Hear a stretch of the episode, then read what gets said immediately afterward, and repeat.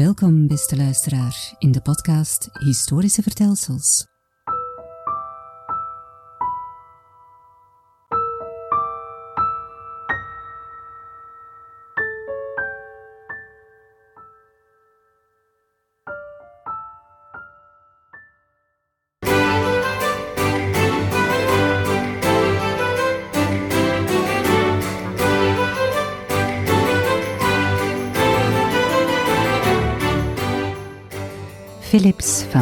Van Sint-Aldegonde en de Tachtigjarige Oorlog.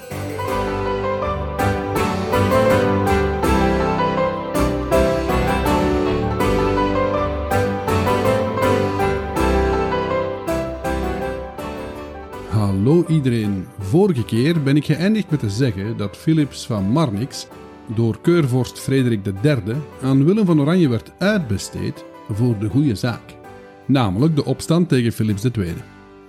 Op 26 januari 1571 wordt de benoeming tot diplomatiek gezant officieel gemaakt.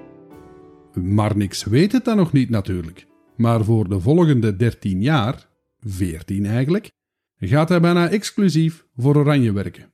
Zijn lot is vanaf nu onlosmakelijk verbonden met dat van de leider van de revolte. Welkom in episode 4 en in de 80-jarige oorlog.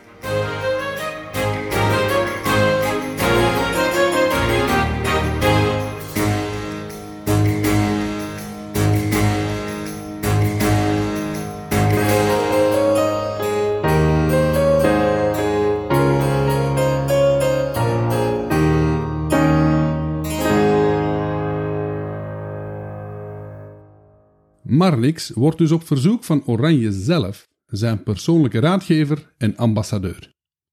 Maar waarom eigenlijk? Wat kan Philips voor de prins betekenen? Wel, ten eerste, ze kenden elkaar al een heel tijdje, vrij goed zelfs. Echte vrienden zullen ze op dat moment nog niet geweest zijn. Philips was eerder heel goed bevriend met broer Lodewijk van Nassau. En wie weet had die laatste ook nog zijn zegje gekregen bij de aanstelling. Maar wederzijds respect en vertrouwen zal er zeker meer dan genoeg geweest zijn. Te meer omdat Philips de situatie in de Nederlanden maar al te goed kent. En hij spreekt en hij schrijft al die talen, weet u nog? Verder is hij een radicaal Calvinist, een pak strenger dan Oranje zelf. Marnix is ook theologisch geschoold door Calvijn en Beza in hoogst eigen persoon. En u herinnert zich zeker nog hoe Philips de beeldenstorm had verdedigd in zijn twee apologieën. Wat u trouwens nog niet weet, is dat hij dat zelfs publiek gedaan heeft, tijdens de beeldenstorm zelf nog.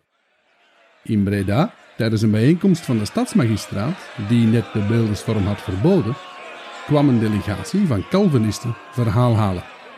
Ook Marnix was daarbij geweest. En hij viel uit tegen het stadsbestuur en riep: Ik waarschuw u, het breken van de beelden in de stad niet te stoppen. Het moet voltooid worden. Marnix was radicaal en hij zal zijn Calvinisme altijd verdedigen. Altijd. En dat weet Oranje maar al te goed. Bovendien is Philips een gekend en gerespecteerd figuur in protestantse kringen. En die kring was behoorlijk groot. Zijn netwerk, vol met Calvinistische kopstukken, predikanten en kerken, strekt zich uit tot ver in het buitenland. Denk maar aan de Duitse gebieden, Engeland, Genève en niet te vergeten de hugenoten in Frankrijk. En tot slot, hij staat net als Oranje op de zwarte lijst in Brussel. De prins kon er dus vrij zeker van zijn dat Marnix de opstand en de gewapende strijd tegen de Spaanse kroon zeker wil voortzetten. En zoals vorige episode gezegd, in 1571 ligt er in Dillenburg een nieuw plan klaar voor een veldtocht tegen Philips II. Nu, de Nassaus hebben geld nodig voor die nieuwe oorlog. Veel geld. En dat zal er moeten komen via financiering uit de protestantse gebieden in Europa. Maar vaak hangen deze protestantse en dan vooral Calvinistische kerken als loszand aan elkaar. Er is geen eenheid.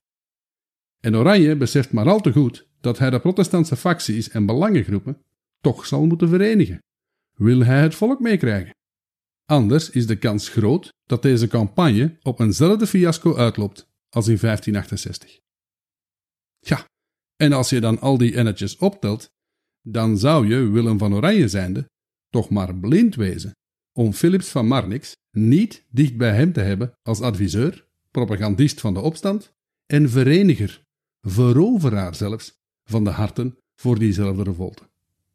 En dat dit ook effectief de rol wordt van Marnix, dat wordt al direct duidelijk enkele maanden na zijn aanstelling. Een van de grote uitdagingen van de opstand was dat eens Alva en de Spanjaarden waren buitengebonjourd. Wat dan? Oorlog voeren is één, maar hoe zou de protestantse staat er dan moeten uitzien na die gewonnen strijd? Oranje wil een zo breed mogelijk gedragen protestantisme, waar er plaats zou zijn voor bijna iedereen. Maar ja, tussen een Lutheraan en een Calvinist of Zwingveldiaan is het water behoorlijk diep als het aankomt op de organisatie van de maatschappij. Dat heb ik in de vorige episodes al uitgelegd. En dan heb je binnen de Calvinistische kerken in de Nederlanden ook nog eens de voor- en tegenstanders van de zeer strenge kerktucht. De voorstanders ervan wilden van de overheid onafhankelijke kerkraden en synodes, die zelf bepaalden wie er zuiver was en wie niet. U begrijpt dat de angst voor een schrikbewind van al te orthodoxe Calvinisten er bij de tegenstanders goed in zat. Ook Oranje was er niet echt voor te vinden. En om uit dat kluwen te geraken, die knoop te ontwarren en tot een compromis te komen, worden er in 1571 enkele synodes gehouden op Duits grondgebied. U begrijpt, beste luisteraar, dat de bezette Nederlanden, in de ogen van de opstandelingen natuurlijk, geen veilige haven waren om gezellig te onderhandelen over de toekomst van de protestantse kerk. Begin juli 1571 zitten ze samen in Bedburg, wat later onder leiding van Frederik van de Pfalz in Keulen. Marnix is op beide meetings aanwezig als gezant van Oranje. Eigenlijk had Beza zelf Philips een jaar eerder al gevraagd om bij al die facties al eens te polsen of ze wilden samenzitten over de toekomst. En Beza die vroeg dat niet zomaar, hè? Philips kon vooral ook theologisch zijn mannetje staan tussen al die radicalen, die zo hun mening hadden over God, de mens en de maatschappij.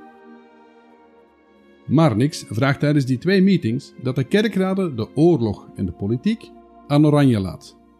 De prins zal dan in ruil de synodes erkennen als hoogste religieuze orgaan. En ja, als het even kan, moesten ze sponsors kennen die de oorlog mee zouden willen financieren. Ja, veel animo is er niet. Maar uiteindelijk komen ze wel tot een compromis om in oktober in Emden, dat Calvinistisch is, weet u nog, een algemene synode te houden om de toekomst te bespreken, als ook de vragen van Oranje. Aanwezig zijn Marnix en een dertigtal voortvluchtige predikanten en ouderen. Marnix blijft de prins vurig verdedigen, maar hij vangt bot. Want wat gebeurt er daar in? De synode legt de basisprincipes vast van de Nederlandse gereformeerde kerk. Principes die tot op de dag van vandaag nog voor een groot stuk gelden. Alles is gestoeld op het subsidiariteitsbeginsel. Dat wil zeggen dat elke gemeente verantwoordelijk is voor haar belangen, zowel religieus als andere. Elke beslissing wordt synodaal genomen in de kerkraden. Eén man alleen kan nooit beslissen. Het gevolg? Wel ja, de prins van Oranje kon inpakken als militair en politiek leider. Hij had gegokt en verloren. Voorlopig moest hij blijven praten, onderhandelen en lobbyen voor zijn opstand.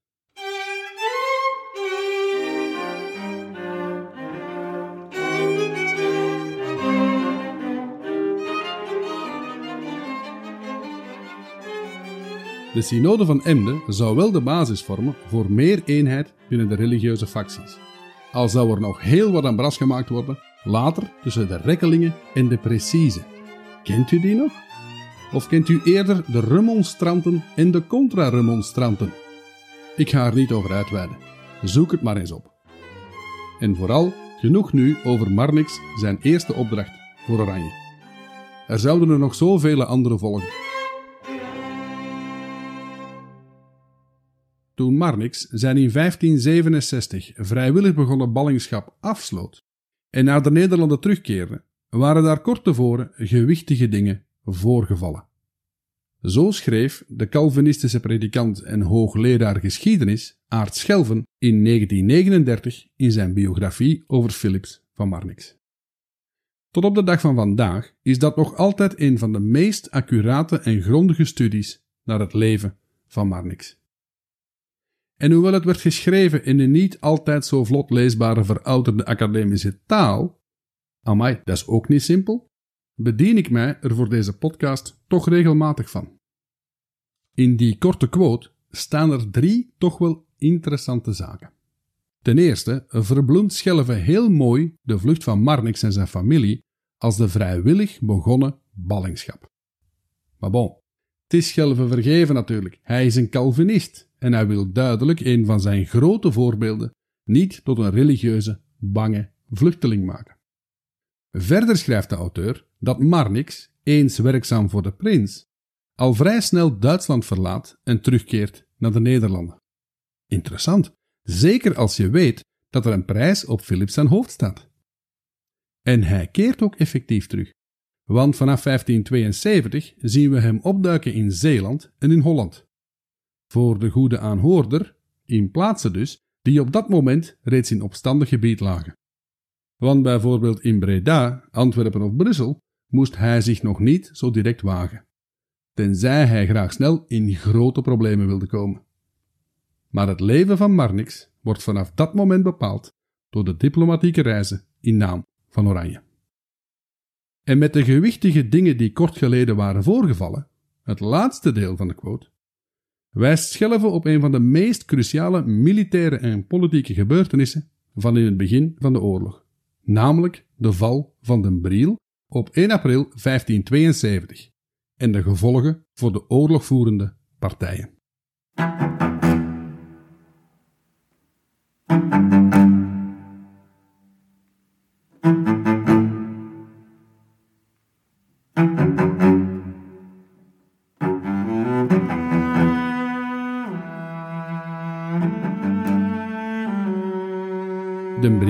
Laten we daarmee beginnen, is een garnizoenstadje gelegen aan de monding van de Maas, even ten zuiden van Rotterdam.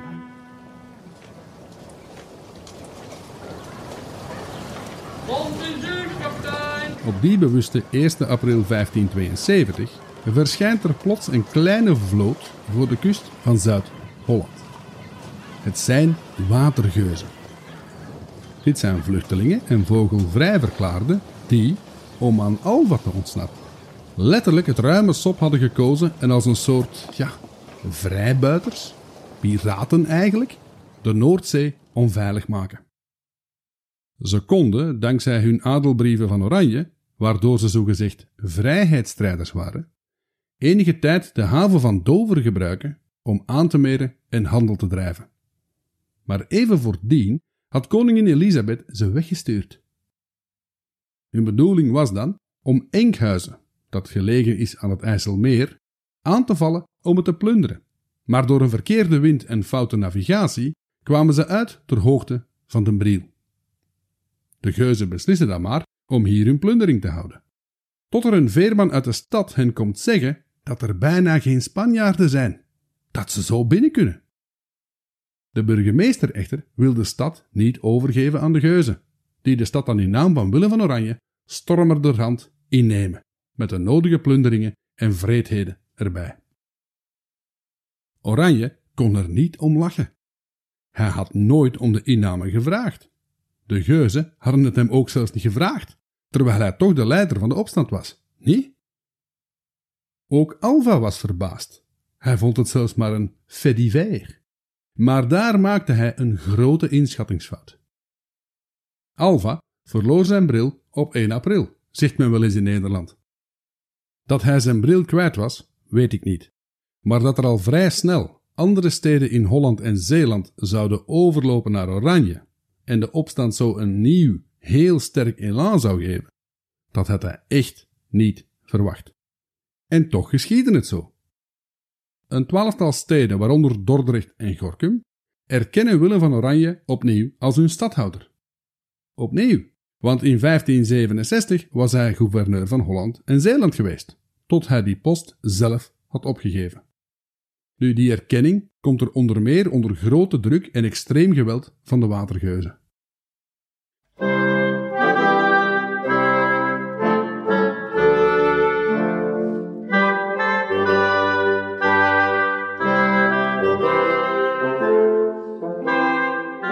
Op 19 juli 1572 wordt er in het grootste geheim de zogezegde Eerste Vrije Staten-Generaal gehouden in Dordrecht.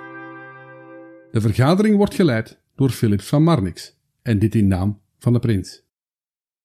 Wat ze daar doen is revolutionair, want eigenlijk mag alleen de landvoogd, Alva dus, of zijn stadhouder, in dit geval de graaf van Boussu, de staten bijeenroepen.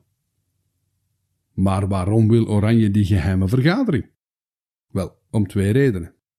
Eén, hij heeft geen rode duit om zijn geplande tweede invasie te financieren. Marnix regelt dat. De twaalf steden gaan voor de veldtocht de enorme som van 200.000 gulden ophalen bij hun inwoners. De huurlingen van Oranje zitten al te wachten op hun centen in Roermond. De tweede reden is dat Oranje opnieuw wil erkend worden als stadhouder van Holland. Hij wil ook de watergeuzen aan banden leggen. Want zij hadden in Gorkum 19 katholieke priesters opgepakt en die in de Briel opgehangen of verbrand. Als de prins religieuze vrede wil brengen, ook voor de katholieken, ja, dan helpt dat natuurlijk niet echt. Maar niks fixt ook dat. Op 23 juli tekenen de aanwezigen voor akkoord. Het openlijk politiek verzet tegen Philips II komt zo in een nieuwe fase terecht. En Philips van Marnix mocht deze pluim echt wel mee op zijn hoed steken. Al zal er van die godsdienstvrijheid niet veel in huis komen. Dat merkt u later nog wel.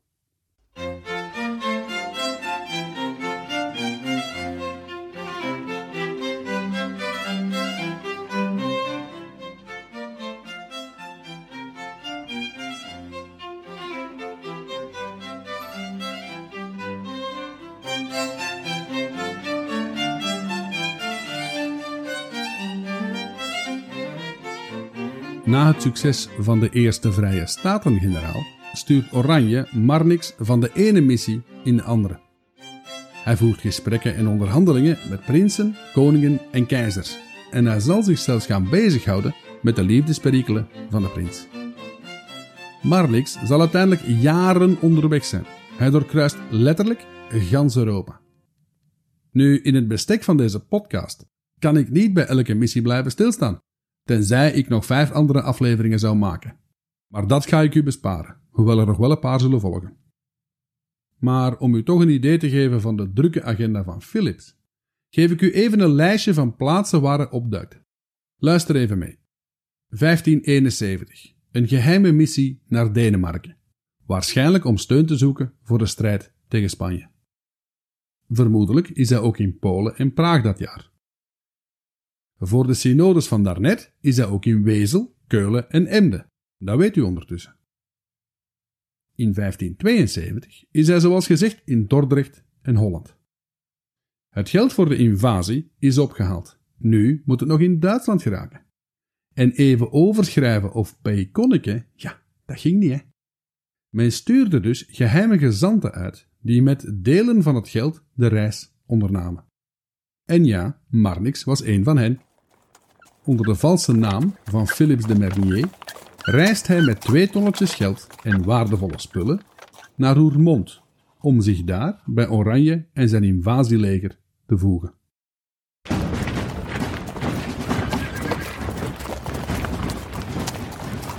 Vervolgens trekt hij mee op naar Bergen in Henegouwen, waar Lodewijk van Nassau op ontzetting zit te wachten. U vraagt zich misschien af wat hij daar zat te doen. Wel, in het invasieplan zou Lodewijk als eerste vanuit Frankrijk met de steun van de Hugenoten Henegouwen binnenvallen. En dat deel van het plan was uitgevoerd. Nassau had zelfs Bergen ingenomen. Helaas voor hem hadden de Spanjaarden zijn Hugenotenleger verslagen nog voor broer Willem zijn deel van de invasie had kunnen lanceren.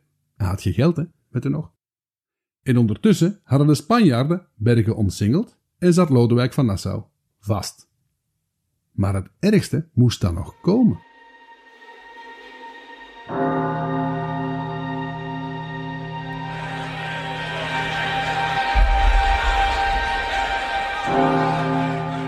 In de nacht van 23 op 24 augustus 1572 vindt in Parijs de bloedbruiloft plaats.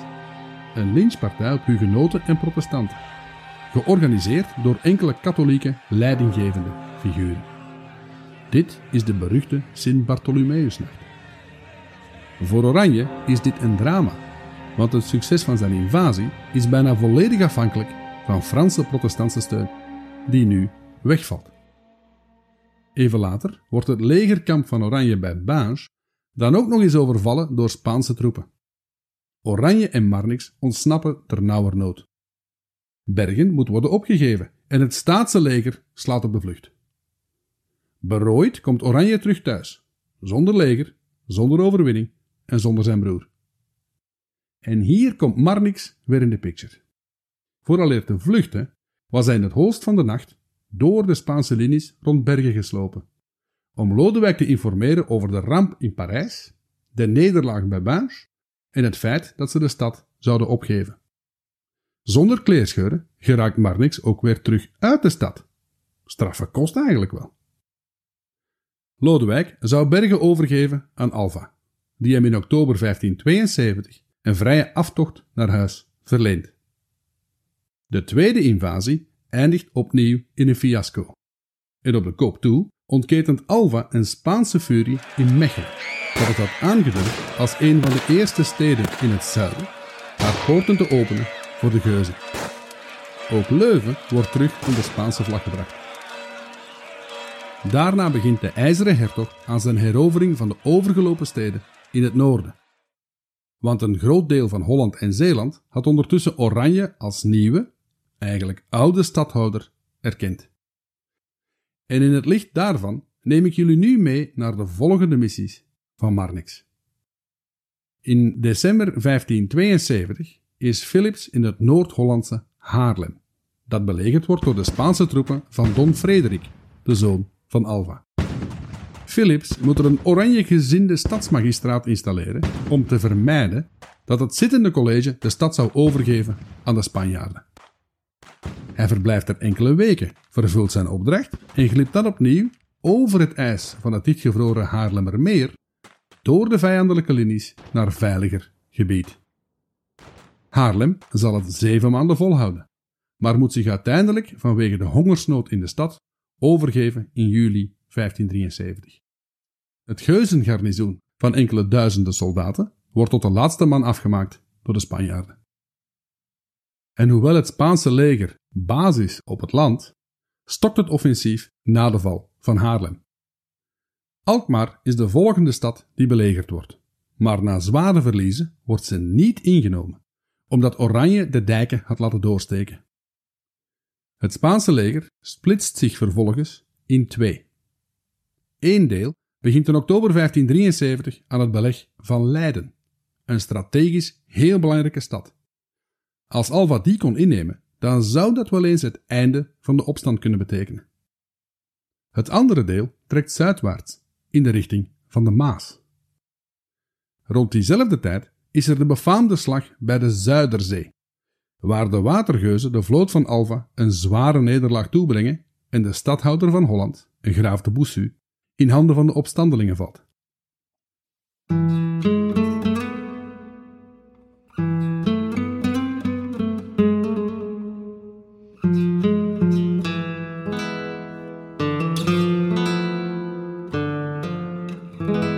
Alva stapelt de nederlagen op, is ziek en hij is ontmoedigd door de vele tegenslagen. Na de Zuiderzee vraagt hij zelf zijn ontslag aan, waarop Philips II hem terugroept naar Spanje. Hij stelt Luis de Zuniga y Requences aan als de nieuwe landvoogd van de Nederlanden. Hij moet van de koning een gematigder koers varen dan Alva. En vooral ook vrede zoeken, want de schatkist in Madrid is bijna leeg. De oorlog moet stoppen. De nieuwe landvoogd begint met goede moed aan zijn taak wanneer hij in Brussel aankomt in november 1573.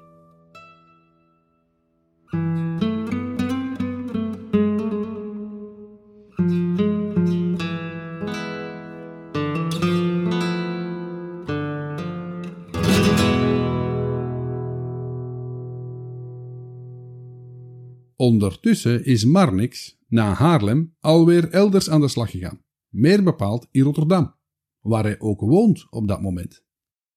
Oranje heeft hem aangesteld als een soort militair gouverneur van het Maasland. En dat terwijl Philips helemaal geen militair is. Maar in de kring rond de prins liepen er niet veel rond met krijgservaring. Dus ja, veel keuze was er niet. Marnix moest de verdediging van Rotterdam Delft en de monding van de Maas gevechtsklaar maken voor het te verwachten Spaanse offensief. Hij inspecteert sluizen, laat een deel van de polders onder water zetten en laat schansen en bolwerken bouwen. De Spaanse aanval komt er, en sneller dan verwacht. Het genoemde tweede deel van Alvas leger is heel snel in de buurt van Maasluis. En tijdens een van zijn inspecties op 4 november 1573 worden Philips en zijn gevolg overvallen door Spaanse soldaten, die blijkbaar door lokale boeren waren getipt dat Marnix in de buurt was. In de steek gelaten door zijn escorte wordt Philips gevangen genomen. Hij wordt naar Den Haag gebracht en opgesloten. Bijna onmiddellijk stuurt Oranje een brief aan de vijand met de mededeling dat Marnix geen haar gekrenkt mocht worden. Alle onrecht hem aangedaan zou gewroken worden op Bossu de gevangen genomen stadhouder van Holland. Weet u nog? Enkele dagen na zijn gevangenneming schrijft Marnix een brief aan Oranje, waarin hij het nieuws brengt van het treurig accident dat ons is overkomen bij Maasluis. Hij schrijft verder: Ik ben onschuldig. Het is het voetvolk en de ruiterij die me in de steek gelaten hebben. Hij voegt er verder aan toe: De Spaanse meester kamp Julian Romero heeft me gezegd dat u me wel zult ruilen tegen andere gevangenen die u zult maken. Mag ik daar zeer op aandringen? En kan u dan niet proberen een vrede te bewerkstelligen met onze koning? Romero, die kortelings naar Madrid terugkeert, zou daarover graag een gesprek met u voeren. Een goede vrede, dat is toch plus humain et plus chrétien, non? Is het niet beter volgens ieders geloof te leven in een vreemd land dan in oorlog te zijn in eigen land? Tot slot vraagt Marnix ook nog om wat geld op te sturen voor zijn levensonderhoud en dat van de andere gevangenen. Einde november schrijft hij opnieuw een brief aan Oranje, waarin hij stelt dat er nog nooit winnaars in een burgeroorlog zijn geweest en dat nu misschien de tijd rijp is voor diplomatieke toenadering met de koning. Even later dient de prins Marnix van antwoord op zijn twee brieven. U hoeft zich niet schuldig te voelen, schrijft hij. En ik zal alles in mijn macht doen om u weer vrij te krijgen. Door een gevangenenruil als dat nodig is. En over vrede praten, graag. Maar alleen wanneer het een paix bonne et assuré kan zijn. Zo niet, heeft praten geen zin. Dat Marnix hier steeds weer begint over vrede, is misschien omdat hij in gevangenschap zit en hij vreest voor zijn leven. Het is wel duidelijk dat hij praten onderhandelt met zijn Spaanse gevangennemers, die helemaal in lijn met de verzoenende politiek van de Requesens op zoek zijn naar gesprekken met de opstandige gewesten. Marnix zijn gedrag is, ja, niet echt consequent te noemen, denk ik dan maar. Waar is de vurige radicale Calvinist ineens gebleven? Is het gevleid ten opzichte van de Spanjaarden? Opportunisme? Tja. Uit latere brieven, en er is veel geschreven tussen Marnix en Oranje, blijkt duidelijk dat de prins niet echt te vinden is voor een bestand. Maar tegelijk laat hij Philips ook niet vallen. Hij wrijft hem geen landverraad aan en zoekt oplossingen om hem vrij te krijgen. En hij gaat zelfs zo ver dat hij persoonlijk een brief schrijft aan Philippat, Marnix's vrouw, waarin hij haar steunt in haar verdriet en haar op het hart drukt alles te zullen doen om haar man vrij te krijgen. Maar dat zal uiteindelijk nog negen maanden duren. Nu, hoe verzoenend de nieuwe landvoogd initieel ook wilde zijn, de oorlog wordt tot bij hem gebracht. In het voorjaar van 1574, Marnix zit nog steeds in gevangen, lanceerden de Nassaus een derde invasie. Deze keer om Leiden, dat nog steeds onder beleg ligt, te ontzetten. Met een huurlingenleger van ongeveer 7 à 8000 soldaten komen Lodewijk van Nassau en zijn jongste broer Hendrik de belegerde stad ter hulp. De Spanjaarden onderbreken het beleg, trekken richting Nijmegen en op 14 april 1574 treffen ze het leger van de Nassaus op de Mokerheide. Wordt een slagpartij. Het Hollandse leger wordt bijna letterlijk van de kaart geveegd. Zij die aan de moordpartij ontkomen, verdrinken wat verderop in een moerasgebied. Een eigentijdse getuigenis schrijft over de slag. De 14 april geschiedde de veldslag van Mokerheide bij Nimwegen, in den welke de Spanjaards in de volkomen victorie behaalden op het leger van de grave Lodewijk van Nassau, die met een grave Hendrik, zijn broeder, en de hertog van Beieren, of de in het gevecht gesneveld, of de in de vlucht van de paarden gedood, of in de waterenpoelen is versmoord geweest. U hoort het goed. Zowel Lodewijk als zijn jongere broer Hendrik, amper 23 jaar oud, sneuvelen in de strijd. Hun lichamen worden nooit teruggevonden.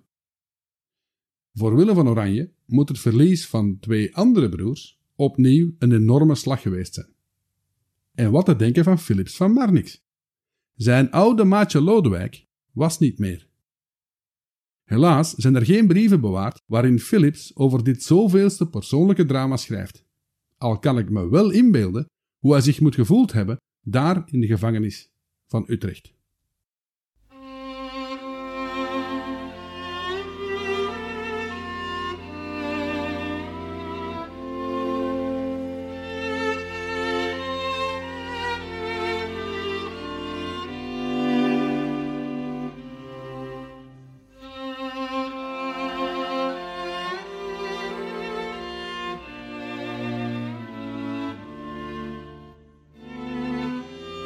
Na hun overwinning op de Mokerheide hervatten de Spanjaarden de belegering van Leiden. Ze zou nog maanden duren. Ondertussen had de Requesens zijn verzoeningspolitiek wel verder gezet. In juni 1574 kondigt hij in Antwerpen een generaal pardon af voor alle opstandelingen als ze hun ketterij afzweren.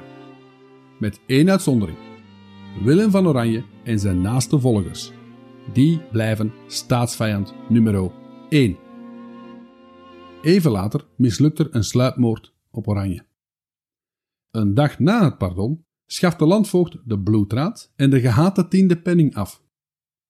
Alles wat aan Alva deed denken, moest weg voor de lieve vrede. Letterlijk in dit geval. En de landvoogd gaat ver in zijn poging om de aanhangers van Oranje rond de tafel te krijgen.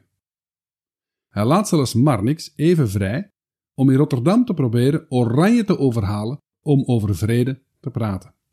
Maar dat onderhoud draaide, zoals te verwachten was misschien, op niets uit. Na negen dagen vrijheid meldt Philip zich weer in Utrecht en zijn cel. Pas in oktober 1574 wordt hij vrijgelaten in een gevangenenruil met de Spaanse generaal Mondragon. In Spaanse kringen valt die vrijlating heel slecht. In brieven aan Granvelle schrijven zowel bisschop Morillon als Barlaymont dat, en ik citeer, Aldegonde a un esprit diabolique. S'il échappe, il fera encore une infinité de maux. Of sterker nog, La relaxation de Marnix amènera plus de mal en cette pacification que l'on a pensé. Et à la vérité, c'est un des plus pervers hérétiques qui soit entre Si et Rome. De grootste ketter tussen hier en Rome. Zelfs de Requensis haat hem. Maar hij laat Marnix vrij om later stadhouder Bossu vrij te kunnen krijgen. Wat twee jaar later ook zal gebeuren. Nu, rond de tijd van Marnix's vrijlating nadert het beleg van Leiden zijn finale fase. Net zoals in Alkmaar wordt het land rond de stad onder water gezet, zodat de geuzen met platbodems de stad kunnen bevoorraden. En dat redt de situatie, want de Spanjaarden geven het beleg uiteindelijk op op 3 oktober 1574. De opstand is gered en krijgt zelfs een nieuwe impuls. Oranjes populariteit groeit gestaag. En die tactiek van de inundatie, die zou de komende maanden nog worden toegepast. Telkens de Spaanse troepen ergens een beleg optrekken.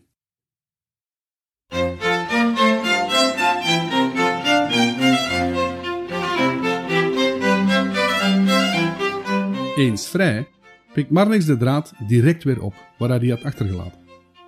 Midden oktober is hij in Gouda en heeft hij een ontmoeting met Oranje. Ik vermoed een soort debriefing van het laatste jaar. En een briefing misschien met de toekomstplannen. Samen reizen ze door naar Rotterdam, waar ze in december met de voorbereidingen beginnen voor de aanval op Antwerpen. De hele legertop van de opstand verblijft op dat moment in Zeeland. Niet alleen Antwerpen, maar heel Brabant ligt in het vizier. Einde december 1574 ontmoeten de strijdende partijen elkaar in Breda. Eindelijk, zou ik zeggen. De Requesens wil dat de opstandige gewesten weer onder Spaanse en vooral katholieke vlag komen.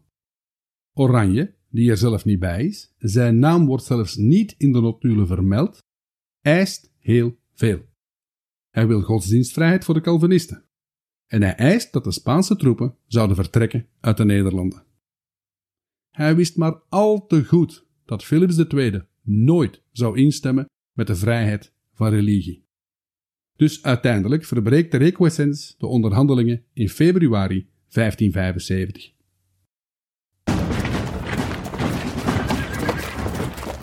Na de mislukking in Breda probeert de landvoogd met geweld een wicht te drijven tussen Holland en Zeeland, door resoluut voor de aanval te kiezen in Zeeland. Enkele dorpen en stadjes worden ingenomen, om uiteindelijk vanaf oktober 1575 het beleg te slaan voor het strategisch belangrijke Zierikzee. De omsingeling zal negen maanden duren en het zal opnieuw een keerpunt worden in de strijd.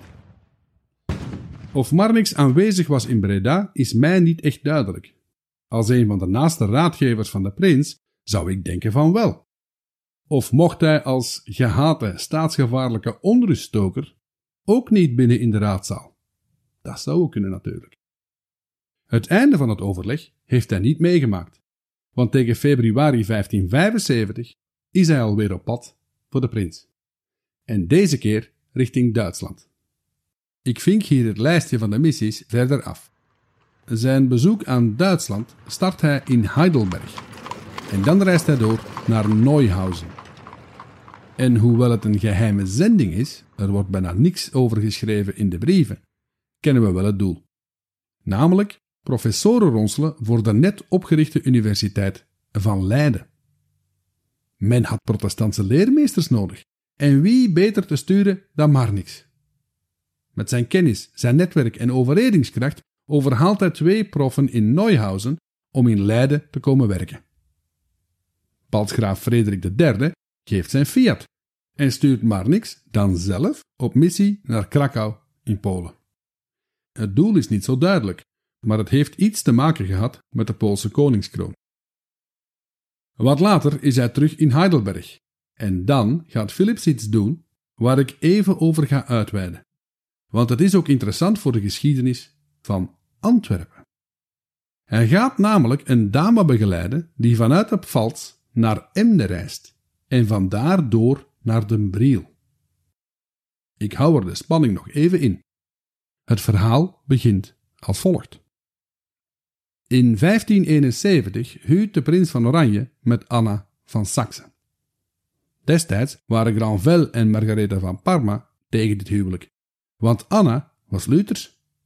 Ook haar familie was keihard tegen, want Oranje was toen nog katholiek, zat tot over zijn oren in de schulden en was maar graaf, terwijl Anna als hertogin werd geboren. Iedereen was tegen, maar toch wilde Oranje absoluut met haar trouwen. Maar waarom dan? Had hij toen al verzetsplannen? Het zou kunnen, want de Duitse-Lutherse connecties zouden heel goed van pas kunnen komen. Het was een verstandshuwelijk, puur sang, en er was geen liefde te bespeuren. En dus was het huwelijk gedoemd om op de klippen te lopen.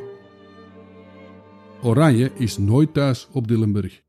Dus beslist Anna te gaan wonen op haar eigen slot in Ziegen, een stadje op een kleine 100 kilometer ten oosten van Keulen. En daar kreeg ze een affaire met haar juridisch adviseur.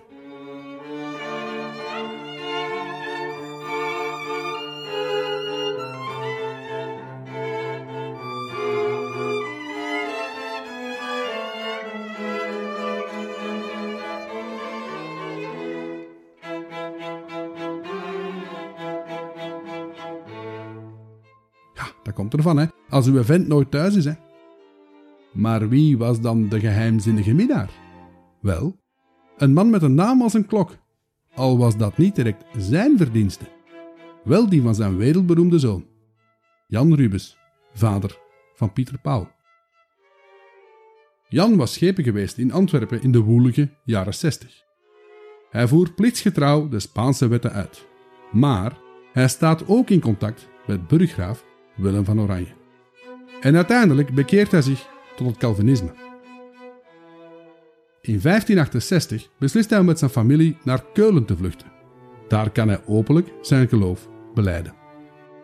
Hij vindt werk in Ziegen, bij Anna van Saxe. En van het een kwam het ander. En de rest van het verhaal kent u.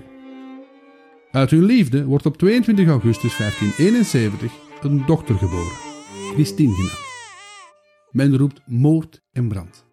Jan Rubens wordt in Ziegen gearresteerd en opgesloten in Dillenburg. Onder dwang bekent hij dat hij de vader is en al enige tijd een liefdesrelatie heeft met mevrouw Oranje.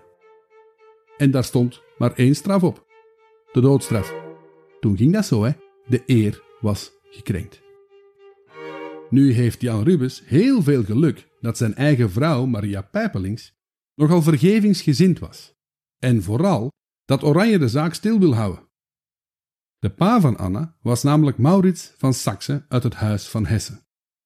Laten we zeggen, een van de belangrijkste adellijke families van het ganse heilige Roomse Rijk. En hoewel Maurits al vele jaren dood was, kon je zijn familie beter niet te schande maken. Zeker niet als je ze nog zou willen gebruiken in de strijd tegen Spanje. Jan komt uiteindelijk na twee jaar vrij, nadat Maria hem voor heel veel geld vrijkoopt. Maar hij wordt voor tien jaar verbannen naar Ziegen, waar later dus Philips en volgens de overlevering ook Pieter Paul Rubens zullen geboren worden. De familie is terug in Keulen in 1583. Enkele jaren later blaast Jan zijn laatste adem uit. Na zijn dood keert Maria Pijpelings met haar kroost terug naar haar huis aan de meer in Antwerpen. En gelukkig maar, anders was Pieter Paul Rubens een Keulse wereldberoemde grootmeester geworden. Stel u dat voor. Antwerpen zonder Rubens. Geen standbeeld op de Groenplat. Maar goed, ik wijk af. Anna komt er een pak slechter vanaf. Om te kunnen scheiden, laat Oranje haar krankzinnig verklaren, wat eigenlijk een drogreden was. Haar kinderen worden haar ontnomen en ze wordt vanaf 1576 opgesloten in het slot van de keurvorst van Saxe in Dresden, waar ze in twee kamers leefde waarvan de vensters waren dichtgemetseld. U hoort het goed. Anna werd weggestopt en vergeten in het kasteel van haar eigen familie. Een jaar later sterft ze van verwaarlozing en uitputting, amper 33 jaar oud. En de doofpot? Wel, die is heel lang dichtgebleven, want pas in de 19e eeuw komt het hele verhaal boven water. Nu, zoals ik daar straks gezegd heb, is Philips van Marnix ook de relatiebeheerder van de prins. Hij is dus wel op de hoogte van alles. En op de dag dat Christine in Ziegen wordt geboren, dat is dus al in 1571, schrijft hij in een brief aan Jan, graaf van Nassau en Dillenburg, en de jongere broer van Willem, over een beschwerlijke zache, een bezwaarlijke zaak. De zaak Anna van Saxe. En dan wordt het officieel althans even stil rond de affaire. Maar de zaak is nog niet rond, hè? In 1575 schrijft Marnix opnieuw over en weer met Jan van Nassau. Hij vraagt de graaf dat hij hem alle documenten met betrekking tot de echtbreuk zou kunnen bezorgen. Want zijn baas wil opnieuw trouwen. En deze keer met Charlotte de Bourbon, een Franse edelvrouw die was overgegaan naar het Calvinisme en naar Heidelberg was gevlucht. En daar had Oranje ze ontmoet. Marnix was dus de privé-escorte van Charlotte Bourbon op haar reis naar Zeeland. Nu Jan van Nassau talmt met die documenten. Hij is niet tegen het huwelijk aan zich, maar wel tegen de Franse richting die zijn broer met deze trouwerij wil uitgaan. En de politieke consequenties die daar in Duitsland mee verbonden zijn. Maar Marnix blijft aandringen.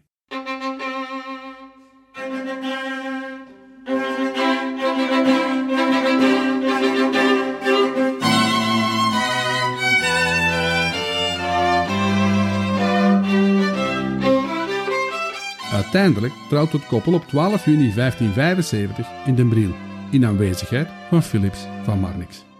Wel zonder de gevraagde attesten. Happy ending zou je dan zeggen. Maar luister nu even goed. In een van de brieven van Marnix, die van 2 mei 1575, lees ik het volgende. De prins heeft mij in verband met de echtbreekster gemeld dat hij het plan om haar te laten kerkeren en het nieuws van haar dood te laten verspreiden, goed vindt. Evenwel, zo zegt de brief verder, Dillenburg is volgens de prins niet de geschikte plaats. Dat wil dus zeggen dat Oranje zelf Anna heeft laten opsluiten en creperen. Haar dood diende en zijn politieke belangen en zijn gekrenkte ego. Dat is toch iets dat je niet zoveel leest over de nationale Nederlandse held. Nu, over de rol van Marnix in heel deze affaire noemde landgraaf Willem van Hesse Philips der Nasewijze Aldegonde, de wijsneus Marnix. En dat was niet zo positief bedoeld. Maar goed, genoeg huwelijksperikelen. Terug naar Philips, de politieke gezant.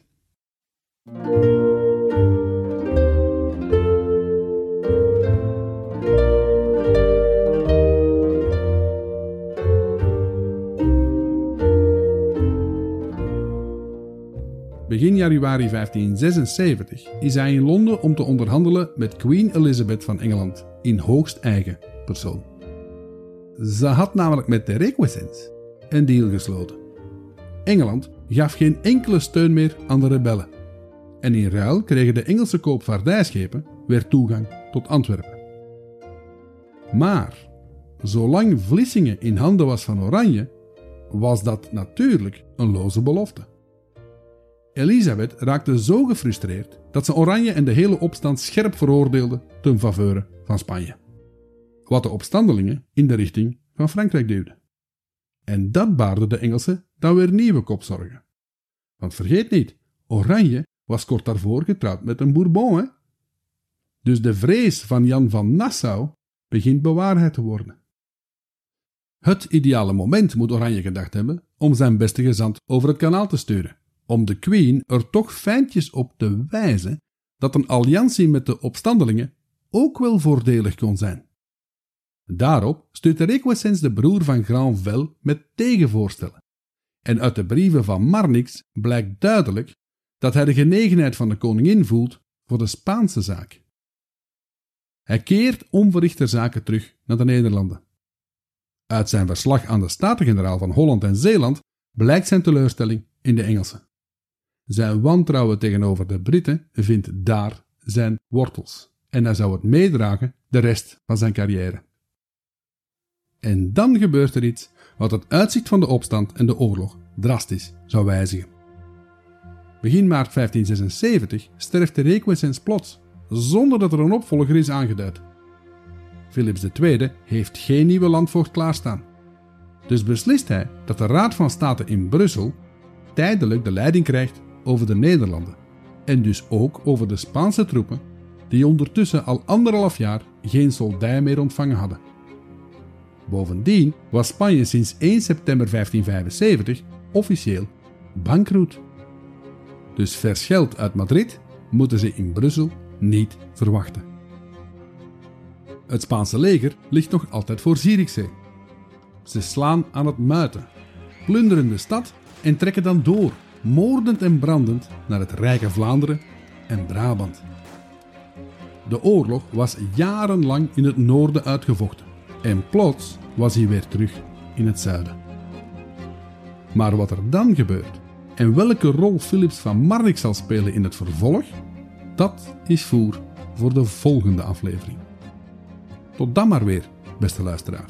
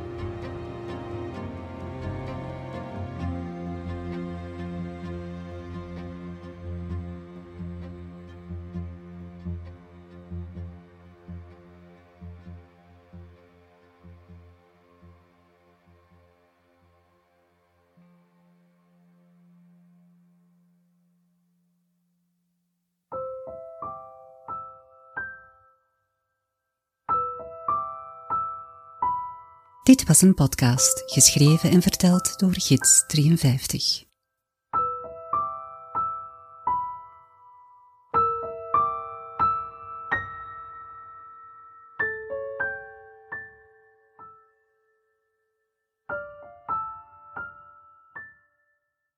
Moest u luisteren op Spotify of op Apple Podcast?